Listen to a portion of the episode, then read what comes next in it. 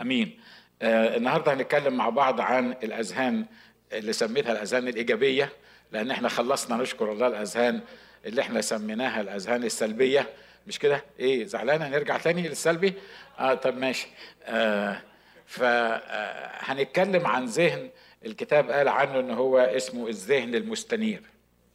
الذهن المستنير.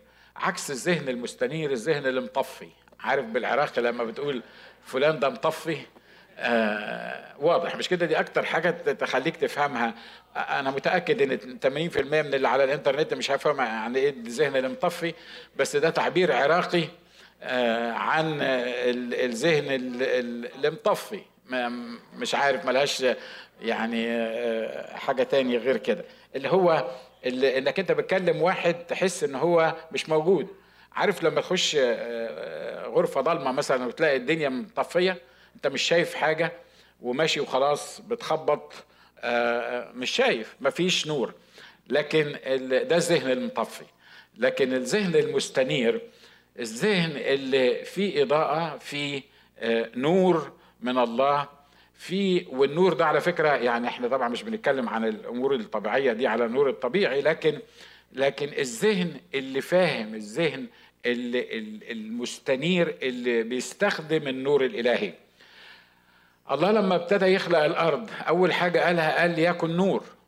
مش كده؟ قبل ما يطلع الشمس قبل ما يخلق القمر والشمس وحكم الليل وحكم النهار قال ليكن نور. ليه؟ لأنه زي ما اتكلمنا في الموضوع ده قبل كده إنه النور أساس الحركة المفهومة العمل اللي الله عايز يعمله الطريقة اللي انت تقدر تمشي بيها لأن لو في حياتك مفيش نور يبقى كل اللي هتعمله كل اللي هتفكر فيه كل اللي هتمتد إليه يديك بتعمله في الضلمة وبالتالي حاجة مش مضمونة حاجة انت أنتوا عارفين الضلمة شكلها إيه. فعشان كده الكتاب قال عن الرب يسوع كان النور الحقيقي الذي ينير كل إنسان آتيا إلى العالم. الناس اتبهرت بيوحنا المعمدان. الناس شافت بعد 400 سنة صمت. ما كانش فيه أنبياء ما كانش فيه نبوة ما كانش فيه كلمة من الرب. 400 سنة صمت بين العهد القديم وبداية العهد الجديد. في ال 400 سنة دي في حصلت فيها فتاوي كتير. ناس كتيرة جم باسم الرب وناس كانوا بيحاولوا يتكلموا باسم الرب واتكتبت فيها الكتب المعروفة بالأسفار اللي بيسموها الغير قانونية. معرفش إزاي الكنيسة بتسمي الأسفار غير قانونية وبتحطها في الكتاب المقدس لما هي أصلا غير قانونية أمال ضايفينها ليه على الكتاب المقدس. والأسفار هذه غير القانونية anyway مش هو ده الموضوع بتاعنا لكن أنا عايز أقول لك يعني إن الفترة دي فترة الضلمة اللي ابتدت بملاخي وانتهت بإنجيل متى إنجاز التعبير أو بالعهد القديم وابتدت بالعهد الجديد. دي فترة الضلمة اللي اللي ما كانش حد عارف ما كانش فيه كلمة من السماء. ما كانش فيه اتجاه معين من الله لغاية ما ابتدى ملء الزمان لغاية ما ابتدى الله قرر إن هو ده الوقت اللي معروف سابقا قبل تأسيس العالم اللي هينزل اللي هيجي فيه شخص الرب يسوع المسيح. ابتدى العهد الجديد بيقول كده عن يوحنا المعمدان اللي الناس كانت مبهورة جدا بيه. لم يكن هو النور. لكن جاء عشان يعمل إيه؟ ليشهد للنور. كان النور الحقيقي الذي ينير كل إنسان اتيا إلى العالم. كان في العالم وكون العالم به ولم يعرفه العالم إلى آخر الكلام اللي مكتوب في إنجيل يوحنا. فالفكرة الأساسية إن الله لما خلق الإنسان خلقه بذهن مستنير. خلقه حطه في في جنة وابتدى يفهمه اللي حواليه ده حتى الحيوانات جابها له عشان يدعوها بأسماء. لكن أول ما دخل العدو وأول ما سقط الإنسان في الخطية أصبح ذهنه مطفي أصبح ذهنه مش منير ما فيش استنارة في الذهن. أديكم مثل بسيط. لما أنت يا آدم وحواء عارفين إن اللي خلقك هو الله اللي أصلا صنعك اللي عملك هو الله اللي مفيش حاجة تختفي عن عينيه. هو كان محتاج إن أنت تستخبى ورا شجرة وبعدين يجي الرب يقول لك أين أنت؟ تقول له سمعت صوتك في الجنة فخشيت لأني عريان فاختبأت. اختبأت من مين؟ ما أنت تقدر تستخبى من حد لو كان ليه عينين طبيعية زي كده مش هيشوف اللي ورا الحاجة اللي أنت مستخبي وراها. لكن انت عارف ان اللي عملك ده اللي صنعك هو أصلا اللي عمل لك العينين وهو أصلا الذي لا تختفي عن عينيه شيء. فيعني إيه إيه النباهة اللي حلت عليك يا آدم مرة واحدة كده انت وحواء علشان بعد ما سقطت في الخطية عشان تتخيل انك ممكن تختفي أو تختبئ من الله اللي عينيه تخترق استار الظلام؟ ده اسمه إيه ده؟ ده ذهن إيه؟ ذهن مطفي. لما قال له لما قال له الرب انت هل أكلت من الشجرة التي آه، يعني قلت لك إنك ما تاكلش منها شيء الطبيعي إن هو يقول له سامحني أخطأت غلطت أكلت من الشجرة أنا عارف إن أنا عملت حاجة غلط. شورت كات كان الرب مش عارف كان يعني السيناريو هيبقى شكله إيه لأن أنا ما كنتش معاهم في الجنة. كنت فيهم في الجنة آه لكن ما كنتش معاهم في الجنة كنت في آدم لأن هو جد جد جد جدي اللي هو القديم زي ما هو جدك على فكرة إحنا يظهر إن إحنا قرايب كلنا مع بعض مش كده ولا إيه؟ ها؟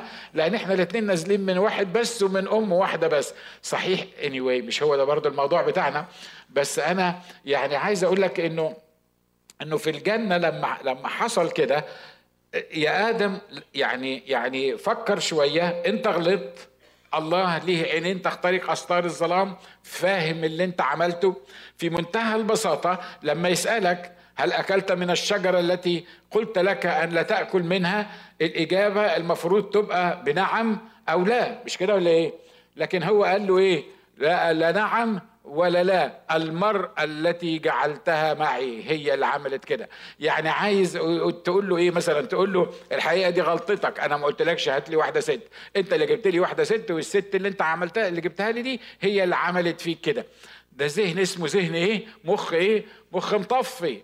ليه؟ لأنك يا ابني هو بيسألك سؤال مع... يا جدي مش يا ابني لأن هو جد جد يعني بيسألك سؤال المفروض أنت جاوب على قد السؤال اللي ربنا بيسأله لك وبعدين يسأل آه، حواء يظهر إن هي طفت هي كمان ليه؟ لأنها لما سألها هل أكلت؟ قالت له إيه؟ قالت له الحية غرتني فأكلت. ده اسمه إيه ده؟ ده اسمه الذهن غير المستنير ده اسمه الذهن المطفي ده اسمه الذهن اللي حطيته فينا الخطية علشان نعيش في الظلمة علشان ما يبقاش ذهننا منور علشان ما نشوفش الحقائق الروحية الإلهية الكتابية بطريقة صح ونشوفها بطريقة إحنا عايزين نشوفها فيها. أمين؟ عشان كده واحدة من الأذهان دي اللي بيتكلم عنها الرسول آه، آه، بولس هنا في أفسس واحد وعدد 18 بيقول مستنيرة عيون أذهانكم. في أذهان مستنيرة. الأذهان دي على فكرة لها عيون. الأذهان الذهن بتاعنا آه، هو هو الذهن بتاعنا أصلا ما هوش حاجة مادية يعني.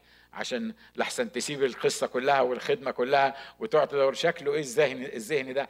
يا ترى العيون بتاعته هنا ولا في, في, في يعني شكله إيه الذهن؟ الذهن أنتوا عارفين طبعا إن هو ما هواش حاجة مادية لكن حسب ما بيقول الكتاب هنا مستنيرة عيون أذهانكم. يعني أذهانكم دي اللي ربنا عطاها لكم دي ليها عيون بتقدر تشوف ولما بتشوف مفروض إنها بتحكم صح والمفروض إنها بتشوف صح والمفروض إنها بتتصرف صح علشان تقدر تعيش بطريقة روحية كتابية تقدر تعيش مع الرب. فعشان كده ما تقوليش أصل أنا أنا أنا أنا ما بشوفش صح. أنا ما ما مش عارف الحقيقة فين مش عارف ال هو الفكرة إن الله لما خلق الإنسان حط فيه ذهن مستنير وعمل للذهن ده عيون علشان تشوف. ليه؟ علشان لما وقع في الخطية المفروض بعينيه كده عينين أذهاننا نقدر نشوف الأمور الروحية بطريقة روحية. وطبعا أنتوا عارفين إن آدم وحواء ورثوا آه، آه، قايين وهابيل اللي خدوه من الرب. بيقول مستنير عيون أذهانكم لتعلموا ما هو رجاء دعوته وما هو غنى مجد ميراثه في القديسين. سمات أصحاب الذهن المستنير يعلمون. ناس عارفة. ناس عندها معرفة. ناس مش ماشية مطفية. عجباني أنا حكاية مطفية دي مش كده؟ واضح لأن قلتها كذا مرة. ناس مش ماشية وبس. لا ناس ناس عارفة. ناس عندها معرفة معينة.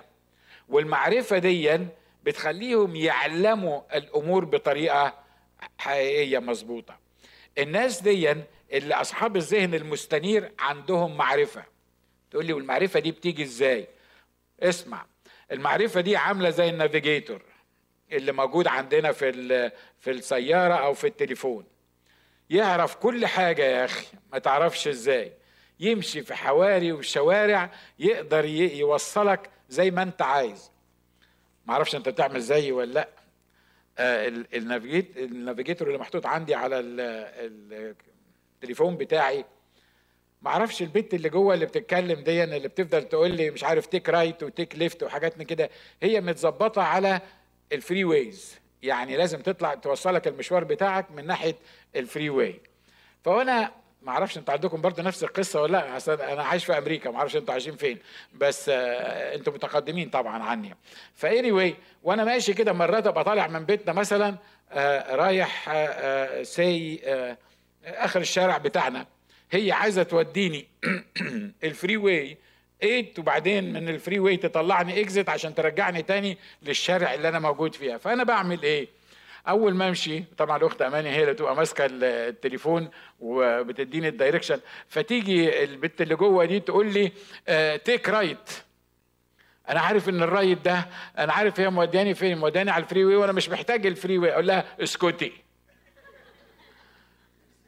حد فيكم بيعمل زي أنا كده؟ آه طب ده أنا مش وحدي بقى. وهي باين عليها عرفاكم كلكم مش كده ولا إيه؟ أنا لو أعرف مكانها فين كنت رحت لها بصراحة. بس anyway anyway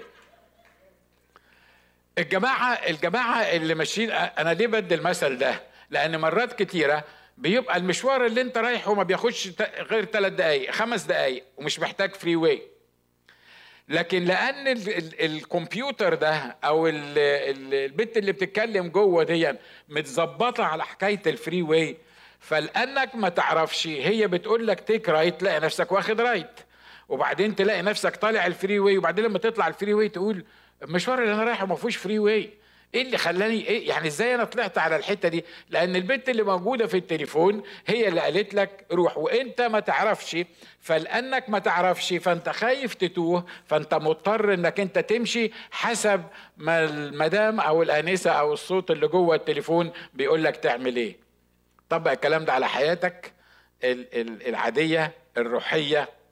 لما تكون ما تعرفش ولما يكون ذهنك مش مستنير ولما يكون ما فيش إنارة وما تكونش فاهم هتكون النتيجة ان إن النافيجيتور اللي جواك اللي هو مطفي دون لما يقول لك يمين وشمال ويمين وشمال تلاقي نفسك في أي مشكلة بسيطة في أي قضية في أي شيء تلاقي نفسك عمال تخبط رايح جاي ورايح جاي وأنت مش واخد بالك ومش عارف أنت واصل لغاية فين.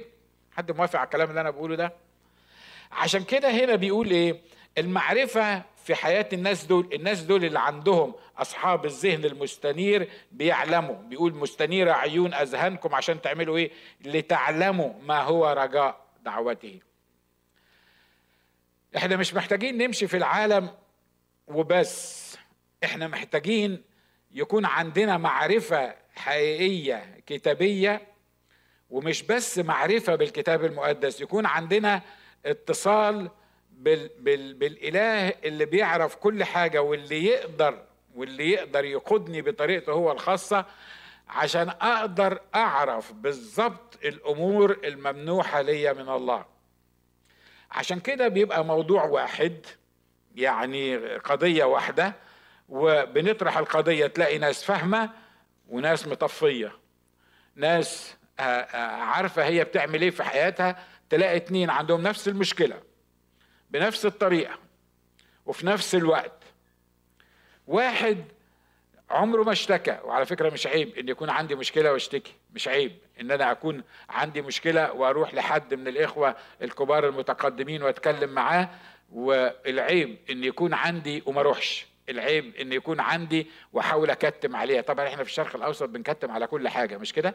لأن كل حاجة عندنا عيب وكل حاجة عندنا آه، مش يقولوا عليا مش عارف مين يقولوا عليا مش عارف أتصرف في الأمر الفلاني يقولوا فإحنا بنعمل إيه؟ فالمشاكل لما بتبتدي عندنا صغيرة بنحاول نكتم ده صدقوني في ناس حتى الأمراض حتى الأمراض لما يكون عندهم مرض يقول لك بس ما تقولش قدام حد.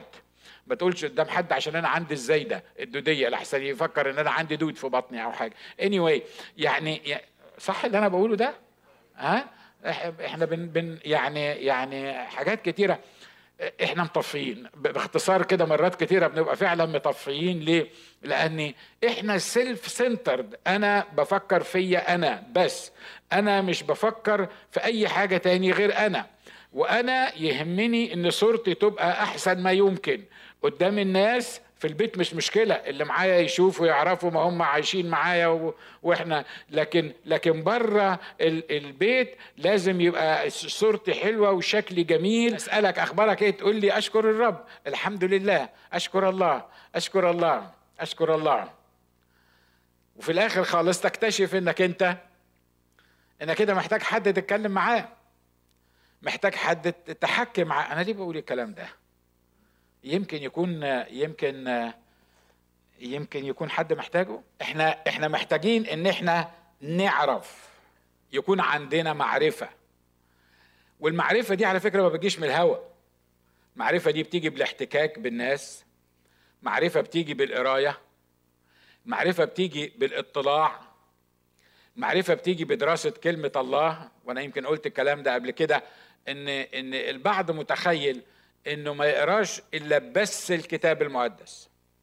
ليه؟ يقول لك الكتاب فيه كل الكفاية. عندك اعتراض إن الكتاب فيه كل الكفاية؟ لا أنا مش معترض ابدا. الكتاب فيه كل الكفاية. لكن أنا عايز أقول لك حاجة. أنت لا بتعرف عبري ولا بتعرف لاتيني ولا بتعرف آه، يوناني. وأنت كمان مش عارف بتعرف الروح القدس ولا لأ. بس anyway لو لو آه، لا يعني أنت محتاج إنك أنت تدرس الكتاب وتقرأ لأناس الله القديسين وتستخدم ذهنك المستنير المنور وما يكونش مطفي علشان تقدر تعرف بالظبط الكتاب بيقول إيه علشان تقدر تبني نفسك وتكبر نفسك وتكون النتيجة إنك أنت الآية اللي ما تعرفهاش. أنا بعمل كده. كم واحد بيعمل اللي أنا بعمله ده؟ متهيألي في ناس زي بتعمل الحكاية دي. الآية اللي أنا ما أعرفش لو أنت في آية ما تعرفهاش؟ آه طبعا. في آيات كتيرة ما أعرفهاش وبضطر أدرس عليها. أمال قسيس إزاي؟ ما أعرفش. عملوني قسيس بس anyway ال ال الآيات الكتابية مرات كتيرة. بحط بحط مثلا 12 ترجمة مع بعض وأعمل كومبير في حاجة كده اسمها كومبير وأجيب الآيات المختلفة وباللاتيني كذا وبالعبري كذا. آه وبعدين الروح القدس اللي جوايا لما بيلاقيني بدور وابحث يروح مفهمني هو ينور في عينيا كده بذهن مستنير يخليني أعرف القصة دي كلها ال 12 ترجمة دول بيقولوا إيه؟ عايزين يوصلوني لإيه؟ وأعرف الحقيقة الكتابية من خلال الروح القدس. آمين؟ الذهن المستنير دون الذهن اللي عنده معرفة. لكن لو كل عالم بتاعي اللي أنا عايش فيه المدام والأولاد واللي بوصل الصبح الأولاد وباجي اقعد في المطبخ بعمل الضلمة والبرياني لغاية ما يجي الرجال من بره ناكل وبعدين ياخدنا نت نتونس نروح مش عارف عند الأخ جاني نقعد معاه شوية وبعدين أرجع بيتنا أنام عشان تاني يوم أوصل البنات والأولاد للمدرسة وبعدين أرجع بعد كده مش عارف تطبخ يابسة ولا أي حاجة يعني تاني يعني كل يوم حاجة مختلفة. في ناس عايشة بالطريقة اللي أنا بقول عليها دي؟ في حاجات ما بقولكش ارفع إيدك فيها ها؟ عشان الله على عبيده ستار. ففي ناس عايشة بالطريقة دي في ناس عايشة بالطريقة دي. لا بتسمع ولا بتقرأ ولا بتتعلم ولا عندها معرفة ولا عايزة تبحث عن حاجة معينة. ولما بتعترضها مشكلة سواء كانت يعني سمعت حاجة في التلفزيون أو في كتاب أو في أي حاجة حد قالها لها تضرب أخماس في أسداس وبعدين تقعد مع الشخص ده تقول لا ده يظهر إن قصة أهل الكهف دي قصة حقيقية. ده يظهر إن في ناس دخلت الكهف بقالها سنين ولسه ما طلعتش من الحكاية دي. لأنه ما يعرفش أي حاجة في أي حاجة. ما عندوش استعداد يتعلم أي حاجة جديدة. الجماعة بتوع الذهن المستنير دول اللي عايزين ذهنهم مستنير لازم يدرس. لازم تقول لي اخ ناجي وإحنا عندنا وقت ناكل. إحنا عندنا وقت نعمل حاجة. ما أنت عارف اليوم بتاع أمريكا اليوم بتاع أمريكا تصحى الصبح توصل الولاد ترجع تعمل لهم الأكل يرجعوا وتبص تلاقي اليوم اتعفرت. صح اللي إحنا بنقول عليه ده؟ معلش للذين يعفرتون الأيام ويتخيلوا إن الأيام بتتعفرت بسرعة عايزك تمسكي ورقة وقلم وتكتبي كده. بتقعدي قدام التلفزيون قد إيه بالظبط؟ بس ما تعمليش حاجة تاني غير كده. التلفزيون واخد من وقتك قد إيه؟ والناس الجهابزه اللي عندهم ال computers وما بيستخدموهوش إلا في ال في ال في ال في ال في الفيسبوك وفي مش عايز مش عايز أسمي الحاجات دي بس يحسبوا لو سمحتوا تحسب الوقت اللي بتقعده قدام الكمبيوتر. أنا مش بكلمك على العفريت الصغير اللي موجود في جيبك. اللي اسمه ال cell phone مش كده برضو؟ اللي الساعة 12 بالليل تلاقيه بيقول لك ترين أنا مش بهرج على المنبر أنا بتكلم جد. أنا بحطها في الصورة دي عشان تقدر تفهم إنك ما تقدرش تعيش على الفيسبوك وعلى التليفون. حتى مش لاقي وقت تقرأ الكتاب مش لاقي وقت تدرس ما عندكش دماغ تفكر بيها في موضوع روحي تروح تبحثه بطريقة أو بأخرى. والشماعة اللي إحنا بنحطها الأيام دي ما عندناش وقت. أنا لما حد بيقول لي ما عندناش وقت ما بصدقوش. ما فيش حد ما عندوش وقت. لو في واحد في الدنيا عنده وقت يبقى قسيس في كنيسة ويحضر خدمتين في ال في ال في الأسبوع ويشتغل تسع ساعات في في آه، الأوفيس بتاعه ويبقى مسؤول عن جورنال. و وبيلاقي وقت بعد كده يروح فيشنج متهيألي محدش ابدا فيكم يقدر يقول إنه ما عندوش وقت. أمين؟ عشان كده أنا ليه بتكلم الكلام ده؟ إحنا عايزين النور يشتغل في الدماغ عايزين الذهن المستنير عايزين الذهن اللي عنده معرفة عايزين الذهن لأن دي كلها بيستخدمها الله لمجد اسمه ولخدمته.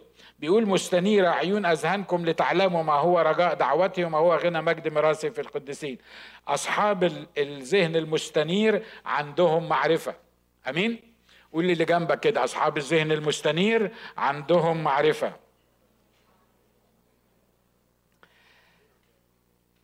الحاجة الثانية في أصحاب الذهن المستنير يعلمون دعوته. بيعرفوا دعوة الله ليهم. من ناحية طبيعة دعوته ورجاء دعوته. طبيعة الدعوة بتاعت الله مش إن إحنا نبقى مؤمنين. وأنا قلت الكلام ده قبل كده في أفسس برضه. مش ال مش ال مش الدعوة بتاعت الله إن إحنا نبقى كنيسية. نبقى بنحضر الكنيسة وبنيجي الكنيسة وبنصلي وبندفع عشور ونبقى تمام التمام. لا لا دي مش الدعوة بتاعت الله. الدعوة مش الدعوة بتاعت الله حتى إنك تعرف يسوع مخلص شخص لحياتك علشان ما تروحش جهنم وتروح السماء. دي مش الدعوة بتاعت الله. دي نتائج طبيعية للدعوة الإلهية. ده الشيء الطبيعي اللي أنا وانتوا بنحصل عليه علشان لما نبقى أبناء لله. لكن الدعوة الإلهية هي إن إحنا نبقى أبناء. أمين؟ في فرق بين إن إحنا نبقى ناس عرفنا يسوع مخلص شخص لحياتنا وهنروح السماء. طبعا أي واحد فينا ذهنه شوية مش مستنير كفاية يقول لك وأنا عايز إيه أكتر من كده؟ أشكر الله. عرفت يسوع المسيح مخلص شخص لحياتي وهخش مش هخش جهنم وهخش السماء. هو ده كل اللي أنا عايزه. على فكرة كل اللي عرفوا يسوع مخلص شخص لحياتهم هيخشوا السماء no matter what وده اللي إحنا بنسميه الضمان الأبدي. فلو هو ده كل اللي أنت عايزه في الأرض وفي السماء مبروك عليك وخليك بالذهن اللي أنت فيه. وهتحصل عليه وهتخش السماء لأنك عرفت يسوع مخلص شخص لحياتك. بس خلي بالك هتعيش في الأرض مزربل هتعيش في الأرض متلطش. هتعيش في الأرض مش فاهم. هتعيش في الأرض حاجات كتيرة تفوت عليك ما مش تاخدش بالك منها وما تفهمهاش ومش هتستمتع بحياتك. ليه؟ لأن الدعوة بتاعت الله ليا وليك مش عشان أخش السماء علشان أبقى ابن الله أبقى ابن لله. أمين؟ وهناك فرق كبير جدا بإن الدعوة بتاعتي أبقى عشان أخش السماء ودي مضمونة بدم الرب يسوع المسيح لكل الناس لكن فرق بإنك تبقى ابن لله. لما تبقى ابن لله يبقى عندك اكسس لله عندك طريق لله عندك اتصال بالله زي بالظبط الاتصال بين الابن وأبوه. أمين؟ ابنك انت ما عندوش اتصال بيا أنا ما عندوش طريقة يوصل لي أنا زي ابني الصغير. مش كده ولا إيه؟ يمكن قلت لكم الحكاية دي قبل كده. مرة آه آه ببص من الشباك بتاع العيادة كده لقيت تيمي ابني قاعد في الريسبشن. بعدين بصيت له كده قلت له تعالى.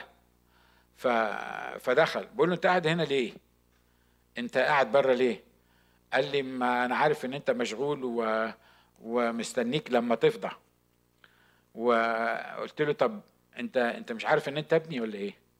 قال لي قلت له لما تكون ابني تخش من بره تفتح الباب تقول للبنت اللي, قاعدة هاي وتروح فاتح الباب وتخش وتستنى في المكتب بتاعي.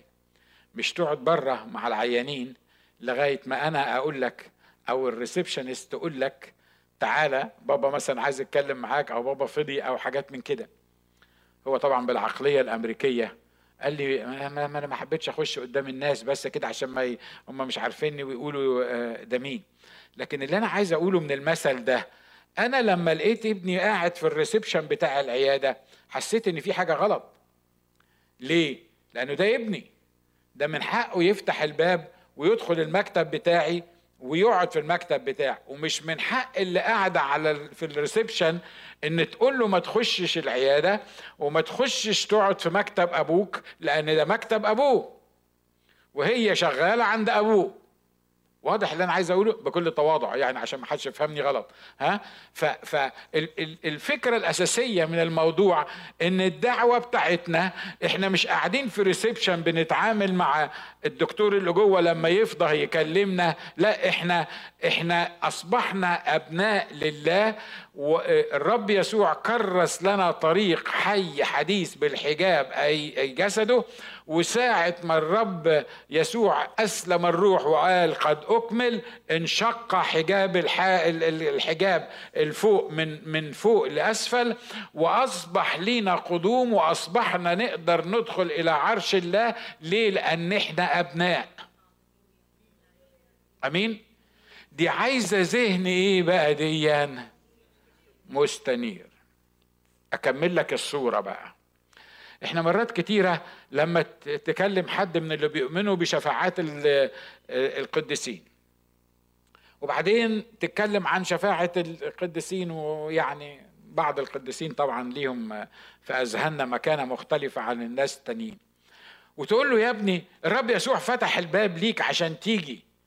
يقول لك هو هو أنت حد يقدر يخش للوزير ولا يقدر يخش الرئيس الجمهورية أو يقدر يخش لحد كبير إلا لما يعدي على السكرتيرة اولا. شفتوا ده إزاي؟ طبعا هو فاهم إنه أنبه إخواته خلوا بالكم. يعني هو بالأمثلة دي ده أنبه إخواته بيفهمك يعني ما حدش يقدر يخش عند المدير إلا لما يعدي على السكرتيرة. تقول له لا طبعا ما حدش يقدر يخش للمدير إلا لما يعدي على السكرتيرة. يقول لك يا أخي لو كان المدير الأرضي ما حدش يقدر يخش له إلا لما يعدي على السكرتيرة. أمال الله نفسه يبقى شكله إيه؟ ما حدش يقدر يخش له. تقول لأبو ذهن مطفي دون أصل الله ما عندوش سكرتيرة. أصل هو اللي فتح السكة علشان نجيله إحنا من غير سكرتير ولا سكرتيرة. أصلك لما تبقى ابن لله فأنت من حقك على أبوك إنك أنت توصل له في أي وقت من غير سكرتيرة ولا حد يقف بينك وبينه ولا شفاعة حد يقدر يوصلك ليه. تقول له لنا شفيع واحد. اللي هو شخص الرب يسوع المسيح يقول لك آه ما إحنا ما هو ده, ده شفيعنا قدام الله. إحنا عايزين حد للرب يسوع علشان نقدر نخش للرب يسوع علشان يقدر ياخدنا لله. وهو فاكر إن هو أنبه إخواته وتربى على الحكاية دي. الذهن المستنير بيقول إيه؟ بيقول إن إحنا نفهم دعوته طبيعة الدعوة دي. طبيعة الدعوة إن إحنا نكون أبناء. طبيعة الدعوة مش إن إحنا نكون مؤمنين. دعانا دعوة السبق فعيننا للتبني بيسوع المسيح لنفسه حسب مسرة مشيئته. الدعوة اللي لينا في المسيح آخر مرة أقولها لك الدعوة اللي لينا في المسيح إنك تكون ابن لله. مش إنك تكون مؤمن مش إنك تضمن الحياة الأبدية مش إنك تكون واحد من عائلة الله. لا الدعوة اللي لينا في المسيح إنه سبق فعيننا للتبني علشان نبقى أبناء لله. أمين؟ ورجاء دعوته اللي هيفهموها أن لهم غنى ميراث مجيد. بيقول مستنير عيون أذهانكم لتعلموا ما هو رجاء دعوته وما هو غنى مجد ميراثه في القديسين. وهم الاثنين مرتبطين ببعض. ليه؟ لأنه لو أصلا هو دعاني أن أنا أكون ابن فزي ما قال الكتاب ما دام ابن أبقى إيه؟ وارث. مش كده ولا إيه؟ في ابن ما بيورثش آه، ممكن ممكن أبوه يغضب عليه في الأرض يعني وما يخلوش يورث. لكن القانون بيقول يعني تخيلوا معايا لو أنا سي غضبت على ولد من الأولاد اللي أنا عندي ولدين وقلت للواد أنت لا ابني ولا أعرفك وأنا هحرمك من الميراث. وبعدين ربنا كرمني وخدني. تفتكروا متشكرين قوي فتفتكروا يعني تفتكروا الحكومة تقول لا هو ليه واد واحد. ياخد كل الحاجة بتاعته. ليه؟ لأن الواد التاني كان متخانق معاه. الواد التاني هو قال له إنك أنت مش ابني. الواد التاني ما ينفعش إنه يورث. يحصل الكلام ده؟ ده كلام يتقال بينكم وبين بعض كعيلة.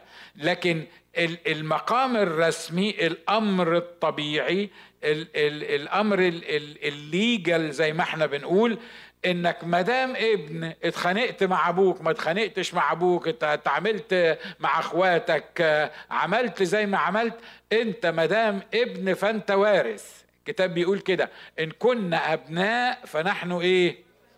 إحنا ورثة. ورثة إيه؟ طبعا لما بنتكلم إحنا على الورثة لأن دماغنا برضو مطفي. فإحنا كل اللي بنفهمه الورث معناه الورث مش كده إيه؟ أرض وفلوس و وورث يعني يقول لك ده أبويا فقري مات ما سابليش أي حاجة في ال في, ال في يعني ما ما كانش معاه. لكن الكتاب مش بيتكلم على فكرة على على الأمور المادية في الحتة دي. الكتاب بيتكلم إن إحنا ورثة الله إحنا ورثة طبيعة الله لأن استشارك الأبناء في اللحم والدم اشترك هو أيضا فيهما لكي يبيد بالموت ذاك الذي له سلطان الموت. فإحنا أصبحنا ورثة لمجد المسيح لغنى مجده في القديسين للغنى بتاع المسيح. إحنا أصبحنا ورثة فيه. علشان كده من غير الذهن المستنير انت مش عارف انك وارث. احضر اجتماعات الصلاة كده. اشكر الله لأجل اجتماع الصلاة بتاعنا بس احضر اجتماعات الصلاة. أو اسأل نفسك أو قيم نفسك. تلاقي نفسك وانت بتصلي عبارة عن هوملس محتاج وفقري. وعمال تصارع مع الله علشان بس يكرمك ويديك حاجة معينة. موافقين على الكلام اللي إحنا بنقوله ده؟ آه طبعا. لا أنتوا كلكم آه، نشكر الله من أجلكم. ما أنا بتكلم على الناس اللي بره مش مش الناس اللي موجودين. اسمع كده صلوات المؤمنين حتى وهم عايزين بركة. يقول لك لن أطلقك إن لم تباركني. الآية كتابية؟ آه. حلوة الآية دي؟ حلوة. مش كده؟ لكن الكلام ده كان ينفع مع يعقوب. ليه؟ لأن كان في واحد بيصارعه. لكن أنا بالنسبة لي أنا مش محتاج أقول له لن أطلقك إن لم تباركني. أنا متهيأ لي لو الرب كده يجي بنفسه أو يبعت لي ملاك. لما أنا أقول له لن أطلقك إن لم تباركني يروح مخبط على كتفي كده يقول لي يا حبيبي أنا باركتك بكل بركة روحية في السماويات في المسيح يسوع. يا حبيبي أنت مش واخد بالك أنت ذهنك مطفي أنت مش واخد بالك إن أنا باركتك أصلا بكل بركة روحية في المسيح يسوع.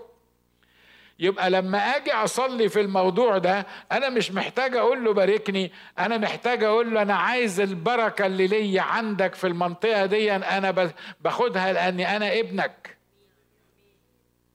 أمين؟ مرات كتيرة وإحنا بنخدم الرب بنتخيل إن لينا بريفليج لينا أولوية عند الرب. ليه؟ لأنه طبعا يعني راجل قسيس غير بقى أي حد تاني. راجل قسيس مضيع حياته كلها في الخدمة لازم يكون قريب من ربنا ولازم ربنا يكافئه بقى ولازم ربنا يعمل معاه. حد فيكم فكر بالطريقة دي؟ مش مهم ترفع إيدك. لكن أنا فكرت بالطريقة دي. مرة من المرات كنت قلت لكم القصة دي قبل كده. كنت محتاج حاجة معينة وبعدين رحت للرب وقلت له اسمع بقى يا رب. شوف أنا حرمت نفسي في الحياة دي من حاجات كتير عشان خدمتك.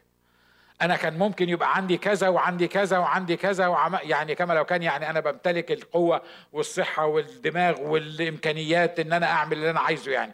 فقلت له بص بقى يا رب يعني يعني مش معقولة الدكتور فلان ده يبقى عنده حاجة معينة مش هقول لك عليها وما أنا دكتور زيه برضه يعني يعني يعني وأنا وأنا يعني عشان حطيت نفسي في الخدمة ويعني مش معقولة كده يعني يعني أنا عايز الحاجة الفلانية دي شوف أنا بخدمك وأنا عايز إنك أنت تديني الحاجة الفلانية دي. أقول لك بأمانة قدام الرب ويشهد على كل كلمة بقولها لك. بعد ما صليت الصلاة الغبية دي هو في صلاة اسمها صلاة غبية؟ في صلوات اسمها صلوات غبية. ييه كتير. مش قادر تصدقني بص لنفسك وانت تعرف. اراجع يعني راجع. أنا مش مش مش بظلمك يعني بس بص يعني راجع صلواتك كده أو خلي حد يسجل لك الصلاة من غير ما تعرف ان هو بيسجلها لك. وبعدين راجعها. أنا مستعد اسجلها لك. يعني آه، فبعدين هتلاقي نفسك بتصلي صلوات غبية جدا جدا جدا جدا يعني وانت فاهم ان هي صلوات روحية. وبعدين بصيت لقيت بعد ما صليت الصلاة الغبية دي الرب بيقول لي إيه؟ قال لي إياك مرة تاني تقف قدامي وتقول لي علشان خدمتك. أنا عندي ملايين من الخدام يقدروا يخدموني يعملوا اللي, اللي أنا عايزه. أنت لما أنا خليتك خدمتني مش أنت اللي عملت فيا المعروف ده أنا اللي عملت فيك الخير والمعروف إن أنا خليتك تخدمني. دي اسمها إيه؟ مستنيرة عيون إيه؟ مستنيرة عيون أذهانكم. قال لي لما تقف قدامي وتطلب مني حاجة انت من حقك تطلب مني لأنك ابني. لكن لو من ناحية الخدمة أنا عندي خدام كتير أنا مستعد أحطك على الرف وما أستخدمكش تاني عشان تعرف إن اللي أنت بتعمله أنت بتسد أصلا الدين اللي عليك مش مديني علشان أنت بتخدمني. واضح الفرق بين الذهن المستنير والذهن المطفي؟ وعلى فكرة ما تزعلش من نفسك لو اكتشفت إن ذهنك مطفي لأن أنا بالنسبة لي كان مطفي وقت كتير وبيطفي. مرات كتيرة الكهرباء بتتقطع أعمل إيه أنا؟ بيطفي. حتى برضو وأنا في السن ده في الدنيا دي ألاقي ألاقي الدنيا مطفية معايا. الناس دول عارفين رجاء دعوتهم إن ليهم غنى ميراث مجيد. ما هو غنى مجد ميراثه في القديسين. إحنا لينا ميراث في المسيح. بص اللي جنبك قول له لينا ميراث في المسيح. الموضوع ده مش كلام. الموضوع ده مش بس مجرد وعظة حماسية. الموضوع ده حقيقة. انت لو عرفت ان جدك الله مش عارف هو رحمه ولا ما رحموش المهم يعني لو عرفت ان جدك سايب أرض كبيرة وموجودة باسمك هتبقى حاجة رائعة جدا هتطالب بيها كل الناس حتى لو كانت من 200 سنة. لكن النهارده مش جدك المحدود هو اللي سايب لك ده الله غير المحدود بيقول لك أنت شريكي وأنت ليك ميراث فيا ليك ميراث ليك حق فيا. تقول لي طب هو عطاني الميراث ده ليه؟ وإزاي؟ وإمتى حصل الكلام ده؟ تتعبش نفسك كتير. روح ادرس الموضوع ده. لكن عارف اعطاهولك إمتى؟ لما قلت له إن أنا خاطي وشرير واغفر خطيتي وسامحني وكتب اسمك في سفر الحياة. طب ده أنا لو منه وأنا خاطي وشرير ومجرم وجيت له وقلت له سامحني يعني لو سامحني يبقى كتر خيره. يعني كفاية جدا إن هو سامحني مش هيدخلني جهنم. لا ده هو مش مش مش كتر خير إنه هيسامحك. هو عايز كده. لما جيت له وقلت له سامحني واغفر لي خطيتي خلقك من جديد أعطاك طبيعة جديدة ضمك لأبنائه لأولاده فتلقائيا بقيت وارث ليه وأنت على الأرض مش بس في السماء. وأنا هخلص بالحتة دي. مرات كتيرة بنتخيل إن ميراثنا محفوظ لنا في السماويات. الكتاب قال كده.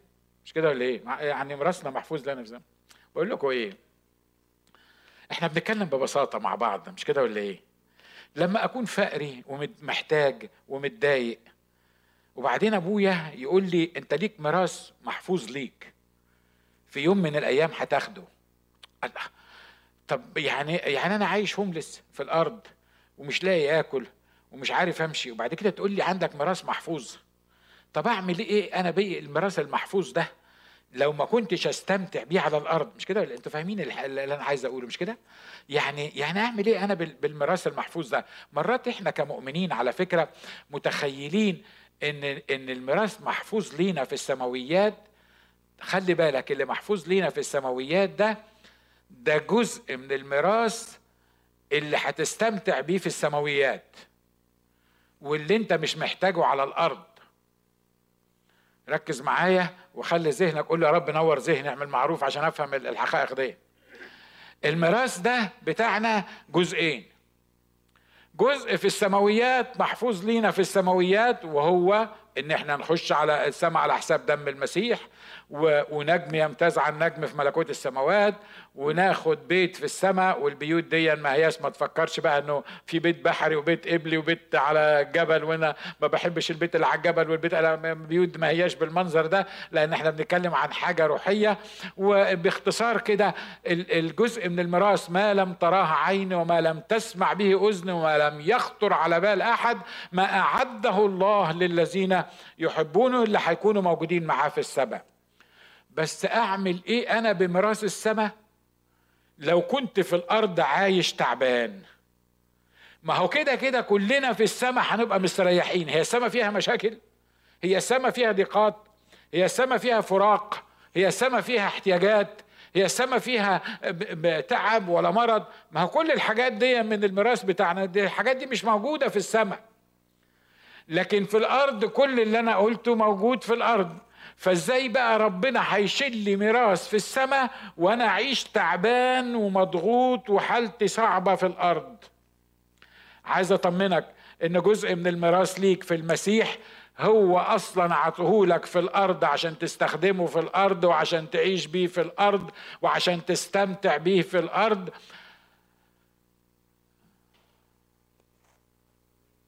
حد موافق على اللي أنا بقوله؟ واحدة من ضمن الحاجات الكبيرة في الميراث دي بيقول لك سلام الله الذي يفوق كل عقل يحفظ قلوبكم وأفكاركم في المسيح يسوع. الكلام ده الذي يفوق كل عقل يحفظ قلوبنا وأفكارنا في المسيح يسوع في السماء ولا في الأرض؟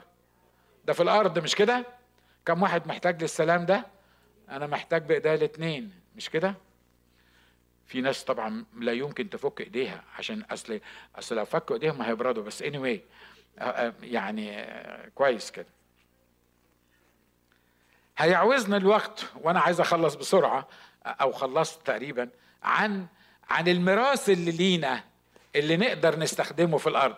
طبعا إحنا لما زي ما قلت لما بنتكلم على الميراث بنتكلم على الفلوس وعلى المصاري. عايز أقول لك حاجة. من ضمن الميراث اللي ليك في الأرض إنك ما تحتاجش ابدا. أمين؟ الكتاب بيقول كنت صديق كنت فتى والآن شخت. ولم أرى ذرية. لم أرى صديق.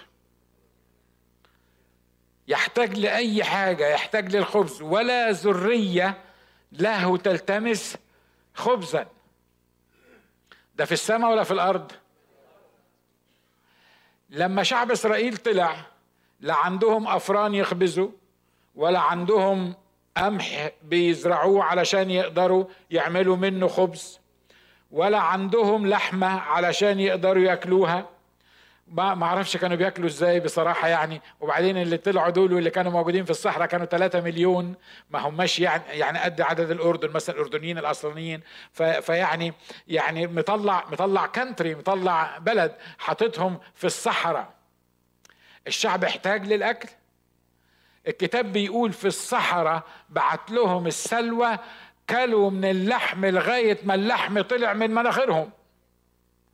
في الصحراء حد يلاقي أكل بالمنظر ده في الصحراء؟ يقول لك المن اللي هو بعته لهم اللي كانوا بياخدوه كل يوم الصبح شفتوا سما بتمطر أكل؟ شفتوا سما بتمطر من؟ المن ده عبارة عن رجاج اللي انت بتسموه رجاج بعسل. بعسل دي بيسموها بتقول عليها إيه؟ عسل مش كده؟ صدقيني أنت العسل بس اني anyway يعني شفتوا ال شفتوا ال ال ال ال ال الناس الناس بتصحى الصبح قبل ما تصحى يكون الله أعد لها الميدة بتاعتها كل يوم الصبح مهتم بيهم مش لما يصحوا يبعت لهم. ده الكتاب بيقول كانوا بيصحوا بيلاقوا ال ال المن ده موجود وكانوا بيجمعوه وكانوا بياكلوا منه وقعدوا أربعين سنة بيعمل معاهم كده. لو كان شعب إسرائيل الشعب الأرضي المدعو بدعوة أرضية بيعمل معاهم كده. أمال أنا ليه خايف ملقاش آكل في يوم من الأيام؟ أمال أنا ليه خايف إني ملقاش احتياجاتي في يوم من الأيام؟ أمال أنا ليه خايف ومرتعب وخايف يطلعوني من الشغل وخايف ينقصوني نص دولار وخايف مش عارف مين وعايشين في خوف وخايف على الولاد وخايف على السيارة يحصل لها حاجة وخايف يحصل لي مش عارف مين وخايف على صحتي. وعايشين إحنا المؤمنين. صح اللي أنا بقوله ده؟ إنتوا إنتوا واخدين بالكم؟ واخدين بالكم من اللي أنا بقوله؟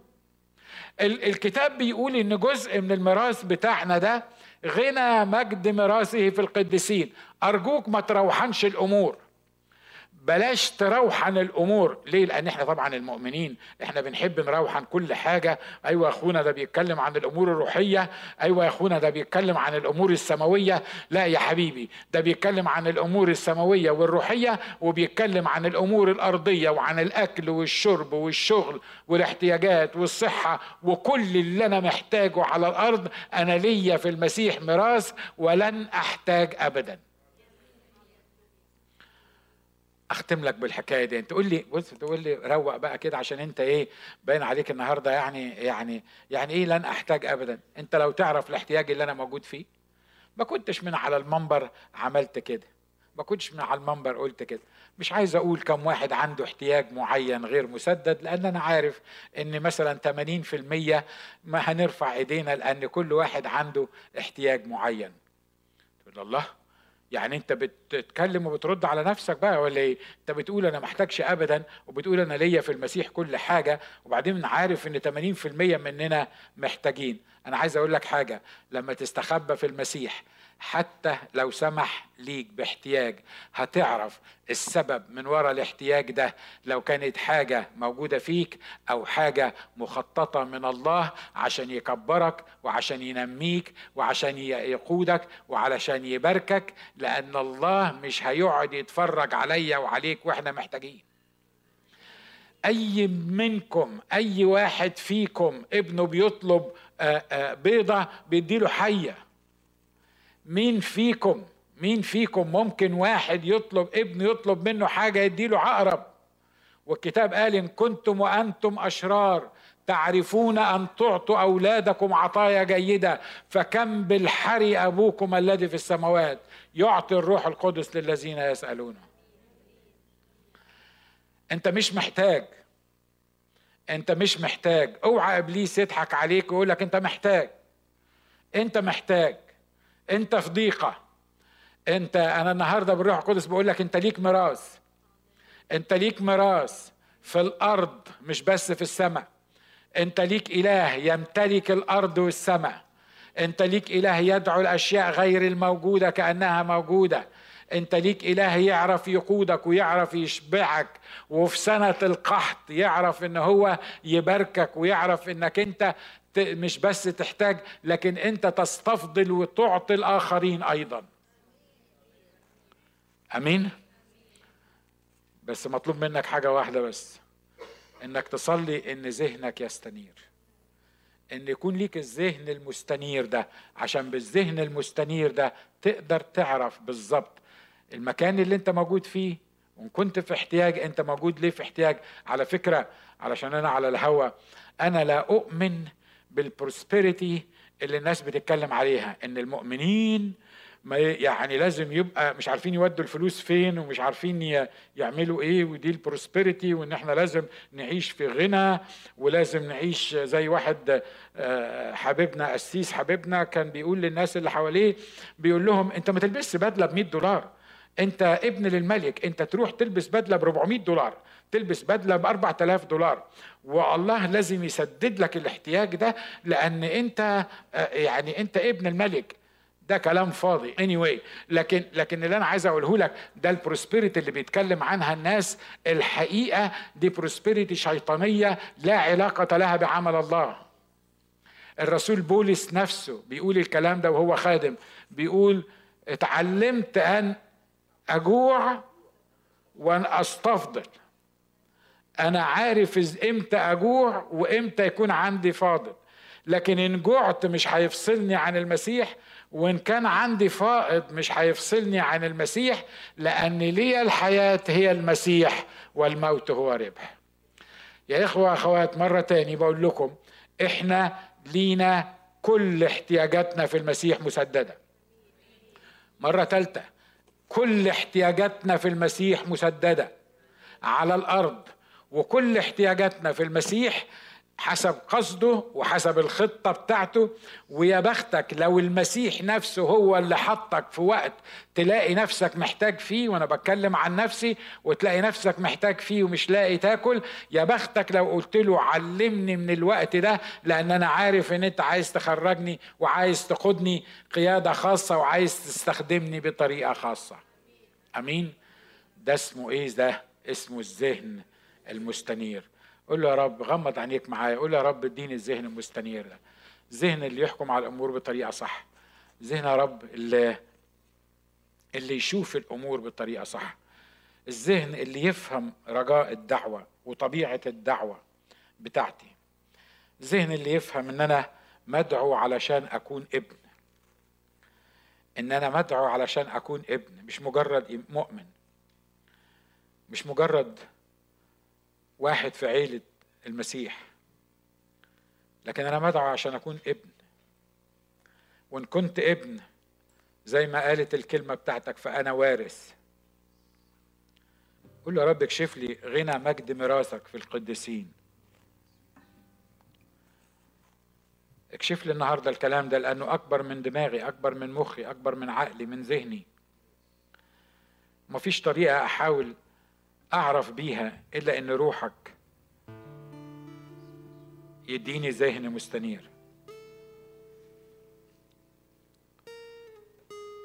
لما يجي عدوك يحاول يشككني أو يحاول يستخدم ظروف الحالية اللي أنا بعيش فيها إنه يشككني فيك أو في محبتك أو في دعوتك أو في إني ابنك. اديني ذهن مستنير عشان أعرف رجاء دعوتي فيك. وغنى مجد ميراثك في القديسين.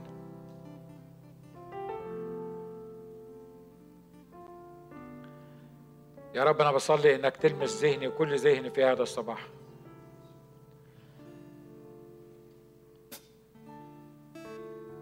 عشان تستنير عيون أذهاننا.